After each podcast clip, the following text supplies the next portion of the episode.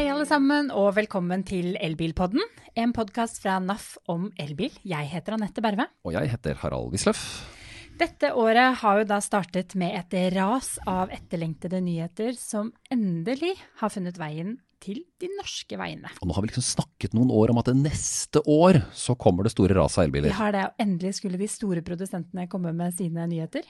Eh, men dessverre, til kundenes store frustrasjon og irritasjon, så står problemene tydeligvis i kø for eh, de aller fleste merkene. Vi snakker biler som ikke starter, mangelfulle apper, vesentlig dårligere rekkevidde enn avertert, klimaanlegg som ikke funker, hurtigladeproblemer. Det vi lurer på, det er hvorfor slippes det biler som rett og slett virker uferdige på Ja. markedet? Og så er dette svære, tradisjonelle produsenter som, som uh, har sånne irriterende feil, Det er det. De virker banale. rett og slett. Så det vi har gjort, vi har lokket eh, Peter Aam, som er redaktør i NAFs medlemsblad Motor, ut av hjemmekontoret. Velkommen til oss. Takk for det. Og så har vi appåtil fått med oss Vigdis Svennungsen, som er leder for NAF Advokat. Hyggelig å få deg i studio. Takk for det. For det vi da har lyst til å snakke med dere om, det er hvorfor kommer det nå uferdige elbiler på markedet? Og hva er det du som forbruker har av rettigheter? Det er dagens tema. Enkelt og greit. Ja, og det er enkelt og greit å snakke om. Det er ikke så enkelt og greit for de kundene som sitter der ute og har kjøpt ny bil. det. Så Peter, vi begynner på, de selve, på selve bilene. Er rett og slett elbileierne blitt prøvekaniner for det vi fortsetter med å kalle ny teknologi? Ja, det tror jeg det er riktig å si. Eh, De er prøvekaniner. Men, men jeg tror det er viktig å ta et lite steg tilbake, fordi at eh, dette elbilskiftet det, det har jo en retning, og den retningen er det enighet om, både nasjonalt og internasjonalt i det, i det store og hele. Og det er viktig å huske at selv om vi syns det går eh, passelig fort i Norge, så går det, det skiftet ekstremt fort globalt. Eh, det er et vanvittig antall biler og en vanvittig mengde eh, mobilitet som endres på, på veldig kort tid. I løpet av eh, 15-20 år så er rett og slett måten vi flytter oss på med bil, eh, i ferd med å endres totalt. Og det, og det er viktig å huske at uh, dette 2025-målet som vi har i Norge, det, det, det er jo en målsetting som vi sannsynligvis når. Uh, vi havner et eller annet sted høyt på 90-tallet på prosent uh, nullutslippsbiler i 2025, eh, og det kommer til å være en relativ suksess. Ut, men vi er veldig prisgitt hva som skjer ute i verden. Og i den store verden så har de andre metoder for å nå dette målet som de skal, de skal til. Uh, Norge er i en særstilling fordi vi har en avgiftspolitikk som gir myndighetene mulighet til å ta bort avgifter på de bilene de ønsker skal selges. Mens ute i verden så er avgiftene mindre, og man bruker andre virkemidler. Og det store virkemidlet uh, som den europeiske bilindustrien baler med, det er jo EUs utslippskrav. Altså biler kan grovt regnet, flåteproduksjonen, altså den samlede produksjonen til en bilprodusent, skal ikke, overstå, skal ikke bilene ha utslipp som er høyere enn 95 gram CO2 per kilometer. Og det er ganske lite. Ja, det er i hvert fall mindre enn eh, det, mindre enn eh, det har vært. Altså For en vanlig diesel- og bensinbil har liksom ligget på 100 og, mellom 150 og 200. Eh, nå blir jo de renere og renere, så utviklingen går én vei der. Men altså, i Norge ligger vi på et snittutslipp på nye biler på bare noen og 60 Ja. gram eh, CO2 per kilometer. Så det er, liksom, det, er et, det er et mål som er godt innenfor rekkevidde. Og det viser seg at de aller fleste bilprodusentene klarer dette målet, i- målet i 2021. Altså, det man, i, I Norge, da, for å ta det, så har man da, har politikerne bestemt 2025-målet med nullutslipp og dette her. eh, Politisk bestemt. Og så har man tilrettelagt med en metode for å få til dette her, bla, med bortfall av avgifter da, på, på disse bilene. Man har tatt bort avgiftene, og det, har kostet, øh, det, har liksom, det betyr jo at bilavgiftene i dag er øh, mange titalls milliarder lavere enn de har vært. Men, men øh, det er jo mulig, altså, det er jo det at vi har hatt store avgifter som har vært, gjort det mulig å bruke det virkemidlet. Mm. I andre land uten avgifter så kan de ikke bruke det virkemidlet. Derfor går, derfor går utviklingen med elbiler i ulik takt i forskjellige land. Og EU har valgt en annen strategi, eller altså de, de har andre virkemidler, og det er ikke avgiftslette. Det er bøter. Hvis du ikke du klarer så bøter til produsentene. Men, men eh, samtidig så er jo altså, bilindustrien er et ekstremt stort skip, og det tar tid å skifte retning. Men det er ingen tvil om at dette skiftet kommer. Bilprodusentene eh, investerer tungt i elbiler og i den teknologien. Og om dette skiftet tar fem år for noen, eller ti år, eller 15 år, så kommer det. Når General Motors sier i USA at de skal bare lage nullutslippsbiler i 2035, så skjer det skiftet egentlig ekstremt raskt. For her har det vært tiår hvor det sånn i det store og det hele ikke har skjedd så fryktelig mye på eh, hvordan en bil ser ut og skal produseres, ikke sant? Ja, det har vært en jevn forbedring. En, sta, en stadig forbedring. Dagens dieselmotorer er jo utrolig mye reinere enn de var for 20 år siden. Så det har skjedd en, en, gradvis kontinuerlig forbedring. Men nå snakker man jo om et paradigmeskifte med en helt ny, helt ny type bil. Mm. Og, og, det, og det, den utviklingen går tross alt, hvis man setter seg ser litt fugleperspektiv på det, så går den utviklingen egentlig veldig veldig fort.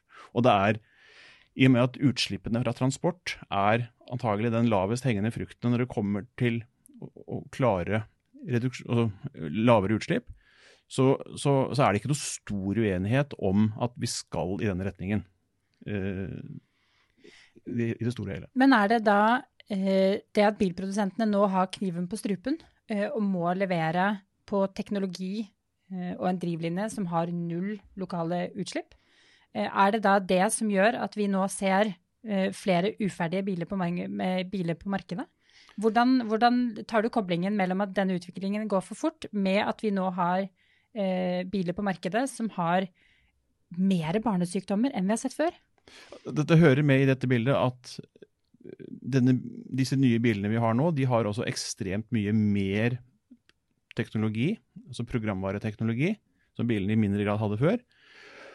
Og det er eh, det er ikke, det er ikke noen paradeøvelse for bilindustrien, den, eh, den, typen teknologi. Eh, de har vært borti den, men, men, nå skal de implementere det i mye, mye større grad. Og, det, for noen produsenter så, så tar det eh, litt tid. Det har vært litt vanskeligere enn de trodde. Og det, de, primært, de har jo primært drevet med å lage biler, ikke datamaskiner. Nå er det i stadig større grad rullende datamaskiner. Eh, så at de får problemer, det, er ikke så veldig overraskende, egentlig. For mange bilprodusenter så var jo altså, en elektronisk styring av enheter om bord er jo gammelt, det har jo fra 80-tallet. Men, men, når man da også fikk man da for 10-15 år siden så fikk man kanskje et navigasjonssystem om bord. Sånn en antydning av moderne teknologi og en skjerm. Men nå er det jo tech-miljøet og programvare som er helt avgjørende for at bilen i det hele tatt virker. Og er jo, Det er jo her hunden ligger begravet for veldig mange av de feilene som dere har skrevet om i Motor bl.a. Ja, altså en, vanlig, en, en, ny bil nå inneholder jo tusenvis av sånne små mikrochips. Uh, som i seg selv er mangel på. Men, men altså, den, den, er en helt annen Det er en helt annen uh, dings enn det var en gang i tiden. Mm. Men burde ikke bilbransjen vært mer forberedt på dette og sørget for å skaffe seg den tech-kompetansen som, uh, som, de trenger? Jo, men det er jo, det er jo, en grunn til at verdens mest uh, verdifulle bilselskap nå egentlig ikke lager så mange biler. Uh, Tesla. De lager ikke så veldig mange biler, men de lager teknolog teknologisk ganske avanserte biler. Og de er bedre på teknologien, har større, bedre erfaring med teknologien enn mange av de tradisjonelle produsentene. Mm. Men er det sånn at vi nå ser at er dette utelukkende problemer som vi ser på elbiler, eller er dette problemer som vi ser uavhengig av drivlinje? I, I, Norge har det i hvert fall vært øh, konsentrert om elbiler. Øh, men det er jo ikke sånn at andre biler er uten, er uten feil. Men mye av dette har i hvert fall vært knytta til elbiler. Eller Vigdis skulle kunne si mer om om det er meldt inn eh, mye feil på, på ladehybrider og, og, og, bensin- og dieselbiler, som også har mye ny teknologi. Men, men det er jo særlig elbilene som er det store volumet nå i norske mm. markedet. For Vigdis, dette får dere telefoner om, fra medlemmer om? Telefoner og e-poster ja. og ja. Så dette her er noe som, som eh, forbrukerne kjenner på kroppen. At uh, teknologien er prematur, at det ikke virker, at de må inn og inn og inn på service og fikse ting. Absolutt. Og irritasjonsmomenter. Ja, mm. helt klart. Altså, vi, har en, vi har jo en jevn strøm av reklamasjoner på all type bil, men uh, det vi har merket i det siste, er at det har vært en økning i antall reklamasjoner på elbil. Uh, og, og, tidligere så har ikke det, det har ikke vært noe stort tema hos oss. Uh, de siste månedene har det vært en del uh, av det, en ganske stor økning også. Men Anette, de svære stolpene her, altså det er, det er Polestar, det er Volkswagen. Hvilke store, Anette og Petter, biler, bilprodusenter er det nå som, liksom har, som står litt i skammekroken med, med dumme feil? Altså de eksemplene vi jo ser fra, fra motor, eh, det er jo eh, Polestar 2 har jo hatt uh, helt tydelige altså 12 volt-problemer. Uh, start, rett og slett startproblemer, hvor, uh, hvor, kunden ikke har fått start på bilen sin. Men de har heller ikke fått den De opplever også overhodet ikke å få den rekkevidden som, som er avvirtert i reklamen. 12 volts-problemene er jo også gjeldende for ID3. Der er det også helt tydelig en, en mangelfull programvare som, som må vente på en oppdatering. Ehm, XC40 er jo en av de siste bilene som eh, det nå meldes om ganske mange feil og mangler på. Ja, og Det at Volvo i det hele tatt havner i den situasjonen, er jo et uttrykk for at dette er, dette er nytt land de skal erobre. Uh, og så kan du si at Det er godt mulig at de klarer det i løpet av noen måneder. Men, men i beste fall så går det i en ganske lang strafferunde uh, overfor et publikum som, som de skal slite litt med å overbevise. Altså Du skal betale 500 000 kroner for en ny bil. Eh, er det gitt at du skal være prøvekanin? Kanskje ikke. Nei, og, og, dette er jo svære produsenter som har Volvo-kunde er jo sånn historisk vant til å kunne kjøpe et produkt som de stoler på. De har, eh, de, Volvo har god score på dette med kundetilfredshet. Og så får man en bil, og så går det en dag eller to, og så er det en eller annen feil. Hva er det dere har skrevet om, Peter, av disse største manglene? Nei, Det er jo det som Anette var inne på. Men det er jo, det er jo at, eh, at, man opplever et helt, eh, en hel flora av, av eh, liksom uforklarlige feil som man, hvor man, produsentene peker tilbake på programvare i en eller annen form. Og det må kjøres en oppdatering, og det skal kjøres en oppdatering. Og de sender biler ut på markedet med beskjed om at det kommer en opp oppdatering om en stund. Og I Volkswagens tilfelle så var jo det Volkswagen har en spesiell historie pga. dieselskandalen og har vært tvunget til å gjøre dette eh, teknologiske skiftet. Og det har, vært, eh, det har vært, krevende for dem å, å, treffe planken på når de skal slippe ID3 ut. Det var stor uenighet internt om man skulle vente eller ikke. Eh, og Så sendte man ut en bil med beskjed om at denne sannsynligvis kommer til å trenge en oppdatering. Og det har jo folk sagt ja, det er greit. Eh, men stadig flere syns at det er litt ugreit at det er så store oppdateringer som trengs. Mm. Vigdis, hva skal man da her egentlig akseptere eh, av eh, altså feil og mangler eh, før man faktisk har, eh, har, krav på enten kanskje til og med heving av kjøp eller prisavslag, eller hva nå enn som skulle være løsningen? Ja, Forbrukerne vil jo ha rettigheter både etter garanti, for det er, det er jo også nytt hos oss at det plutselig så kommer det et ras med reklamasjoner på nye biler. Altså Tradisjonelt så er det jo bruktbilhandel som har uh, hatt, uh, vi har hatt de fleste henvendelser på. da. Uh, og nå kommer det inn masse reklamasjon på nye biler. Uh, og, og hva, hva, man kan kreve altså Først og fremst så kan man jo kreve reparasjon. Altså, bilen skal jo være i samsvar med det det som er avtalt. Øh, og da det tilleggsutstyret som du har kjøpt øh, med bilen, det skal virke, det. Øh, og da, da, kan du kreve en reparasjon, da. Men det som er problemet i de tilfellene her, det er jo at de har jo ikke noe løsning på det. Og da er jo spørsmålet hvor lenge skal man sitte og vente da, på at det kommer en fiks på feilene. Ja, for her er det vel sånn øh, Hvis det for noen år siden var en dårlig drivknute i drivverket, så kunne dette komme som en ny og forbedret del som kunne skiftes lokalt på, på verkstedet, og produsenten kunne si at dette fikser vi selvfølgelig. Mens nå er det rett og slett utviklerne og programvareskriverne i utlandet som må lage ferdig reparasjonen. Så produsentene er jo her en slags nærmest en gissel, Peter, på, hvor de ikke får gjort noe som helst, annet enn å si unnskyld til kundene sine. Ja, det er litt todelt. for En ting er programvaredelen. Det er jo det som går rent på, på, på oppdateringer, mer eller mindre trådløse oppdateringer. Noe annet er, som vi har sett med Vi hadde en sak i forrige uke eh, med en Jaguar hvor man måtte skifte hele bunnplata fordi det var kommet et hakk i den. Det var litt uenighet om hvordan dette hakket var oppstått, men, men, men uh, poenget var at Jaguar sa at ifølge våre instrukser så skal hele denne plata skiftes, med batteripakke og alt. Og det var en reparasjon på 350 000 kroner. Det er, uh, det er mye når du snakker om en bil til 700 000. Det er halve prisen, det. Det er halve prisen, og et hakk som noen, eh, noen, reparatører sier at det kan vi gjøre for en brøkdel av den prisen. Jaguar sier at vi følger beskjeden vi har fra fabrikken om at det skal gjøres sånn og sånn. og sånn. Mm. Så det er klart det er litt Det er jo en ny teknologi på mange måter, og det er litt det er liksom smårigid også når det kommer til reparasjoner. Uh, NRK hadde jo i den Sløsesjokket-serien sin uh, reportasjer om, om uh, tilsynelatende ganske fine elbiler som bare må vrakes. Så jeg, det er nok det er nok én side av det at mange av disse at Vi er så tidlig i denne elbilutviklingen at en del biler som kanskje eh, vi vil løse på en, altså Problemet med biler som vi vil løse på en annen måte om noen år, der står vi med ganske rigide løsninger nå. Men er det da faktisk slik at man i dag som forbruker eh, burde man være litt varsom med å kjøpe eh, en helt ny bil som slippes på markedet, før man opplever at den er testet bedre enn det det virker som at den er i dag? Det syns jeg er veldig vanskelig å si noe om. Jeg, eh, men jeg tror ja, ja. Jeg kan vel kanskje ikke kjøpt første utgaven selv. Men, Sier juristen.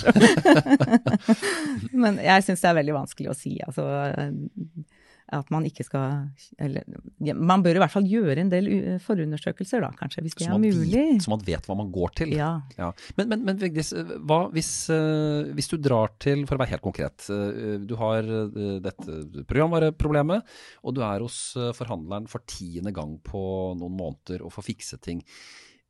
Har man noe rettighet da, eller er det noe man må regne med, eller det er vrient, dette her? Det er veldig vrient, fordi eh, ja, hvis det er samme feilen som kommer tilbake gang på gang, så kan man kreve noe annet. Eh, kommer feilen, samme feilen tilbake for tiende gang, eh, da kan man be om å få en ny tilsvarende bil, eller kanskje heve kjøpet. Eh, men hvis det er ulike feil, da, og det er små feil, eh, hva gjør man da? Dette her er jo noe man ikke Man legger jo ikke opp hverdagen etter å kunne ta et verkstedbesøk i uka. Altså, det er nok annet å gjøre. Og det tror jeg er noe av den store irritasjonen til folk. da, At uh, man stadig må tilbake på verkstedet for en eller annen programvareoppdatering, eller at det må endres på et eller annet, eller gjøre, rettes på en eller annen liten feil. Hva sier produsentene eller importørene til dere da, når dere snakker med dem? Er det hoderystende og ja, vi gjør så godt vi kan. Ja, beklager, vi kan utbedre, vi. Eller vi reparerer, eller eh, det kommer en løsning. Og så spørs det når den løsningen kommer, da. Og det er, det er klart, man skal ikke vente i all evighet heller, og da kan man også kreve noe annet. Altså, en omlevering vil jo si at man kan få en ny tilsvarende bil, men hvis den nye tilsvarende bilen også har samme feilen, så er jo ikke det noe løsning heller. Så det, det er vanskelige saker, dette her. Å kreve heving, det, det skal litt til, da. Da skal det jo være litt større feil og ja. litt alvorlighetsgrad. Mm. Det vi har snakket mye om nå, det er jo programvarerelaterte problemer. Som igjen, som vi sitter og sier, mest sannsynligvis fikses på et eller annet uh, tidspunkt. Men den andre delen av uh, type irritasjonsmomentene vi ser brer om seg i forum nå, er jo forventninger knyttet til rekkevidde. Og da spesielt forventninger knyttet til rekkevidde også om vinteren. Eh, mange er nok klar over at en elbil eh, påvirkes betydelig av eh, lavere temperaturer. At rekkevidden gjerne blir kortere. Eh, ladehastigheten blir saktere. Men er kanskje ikke klar over hvor mye faktisk rekkevidden påvirkes i fort minus, minus 10 grader, minus 5 grader. Hva slags type henvendelser har dere her, Vigdis, på, på folk som føler at de har kjøpt en elbil som har en avertert rekkevidde, og så er det ikke den de får i, i hverdagen. De henvendelsene vi har der, gjelder jo at først og, først og, fremst at differansen er så stor, da. Altså de fleste vet jo, som du sa, at ja, du, du, du, taper litt av rekkevidden ved temperatur eller kjørestil eller ja. Eh, men differansen blir så veldig graverende. Og da, da det også er jo altså, Vi har jo alle kjent litt på den der rekkeviddeangsten. Uh, og ikke komme fram. Jeg har sjøl dytta en elbil uh, tilbake til laderen. Uh, det er jo ikke sånn man vil ha det. og når differansen blir så stor, da, så, så på et eller annet tidspunkt så, så, vil jo det også utgjøre en mangel, mener vi, da. Her er det markedsført på en måte som gjør at kunden føler seg litt lurt. Altså. De tror de kjøper en bil med bestemt rekkevidde, skjønner at den har lavere rekkevidde på vinteren, men så er det så veldig mye lavere, og det hadde de ikke regnet med det er nettopp det. Altså, jeg, eh, forhandlerne det blir så veldig skryt, da. Eh, de må ha litt mer magemål når de, går ut med informasjon til kundene. Eh, de skaper jo en, en forventning der som, som, bilen ikke klarer å leve opp til, da. Så da har vi rett og slett en oppfordring til uh, våre importører og leverandører at uh, dere får justere litt på annonsekampanjen og mm. forslagene som kommer fra produsenten. Men Peter, må man leve med den begrensningen uh, denne teknologien har i kullet? Ja, det tror jeg man må. Eh, nå, er jo, nå, er det jo en, fortløpende en, en, batteriutvikling som gjør at, teknologiutvikling på batterier som gjør at vi kan se andre batterier om ti år eh, som kanskje takler kulde bedre. Men eh, sånn som det er i dag, så må vi leve med det. Eh, det behøver ikke å være noe problem, det. Eh, når du velger elbil og når du kjører, så må du bare planlegge ut fra eh, hvilke muligheter du har til å lade. Eh, det er helt eh, greit for mange å ha en bil som har 20 mil rekkevidde eh, for all hverdagskjøring. Men hvis du driver og kjører fram og tilbake til hytta, og det er det du driver med, så er det klart at det er 20 mil snaut med den ladeinfrastrukturen som vi har nå.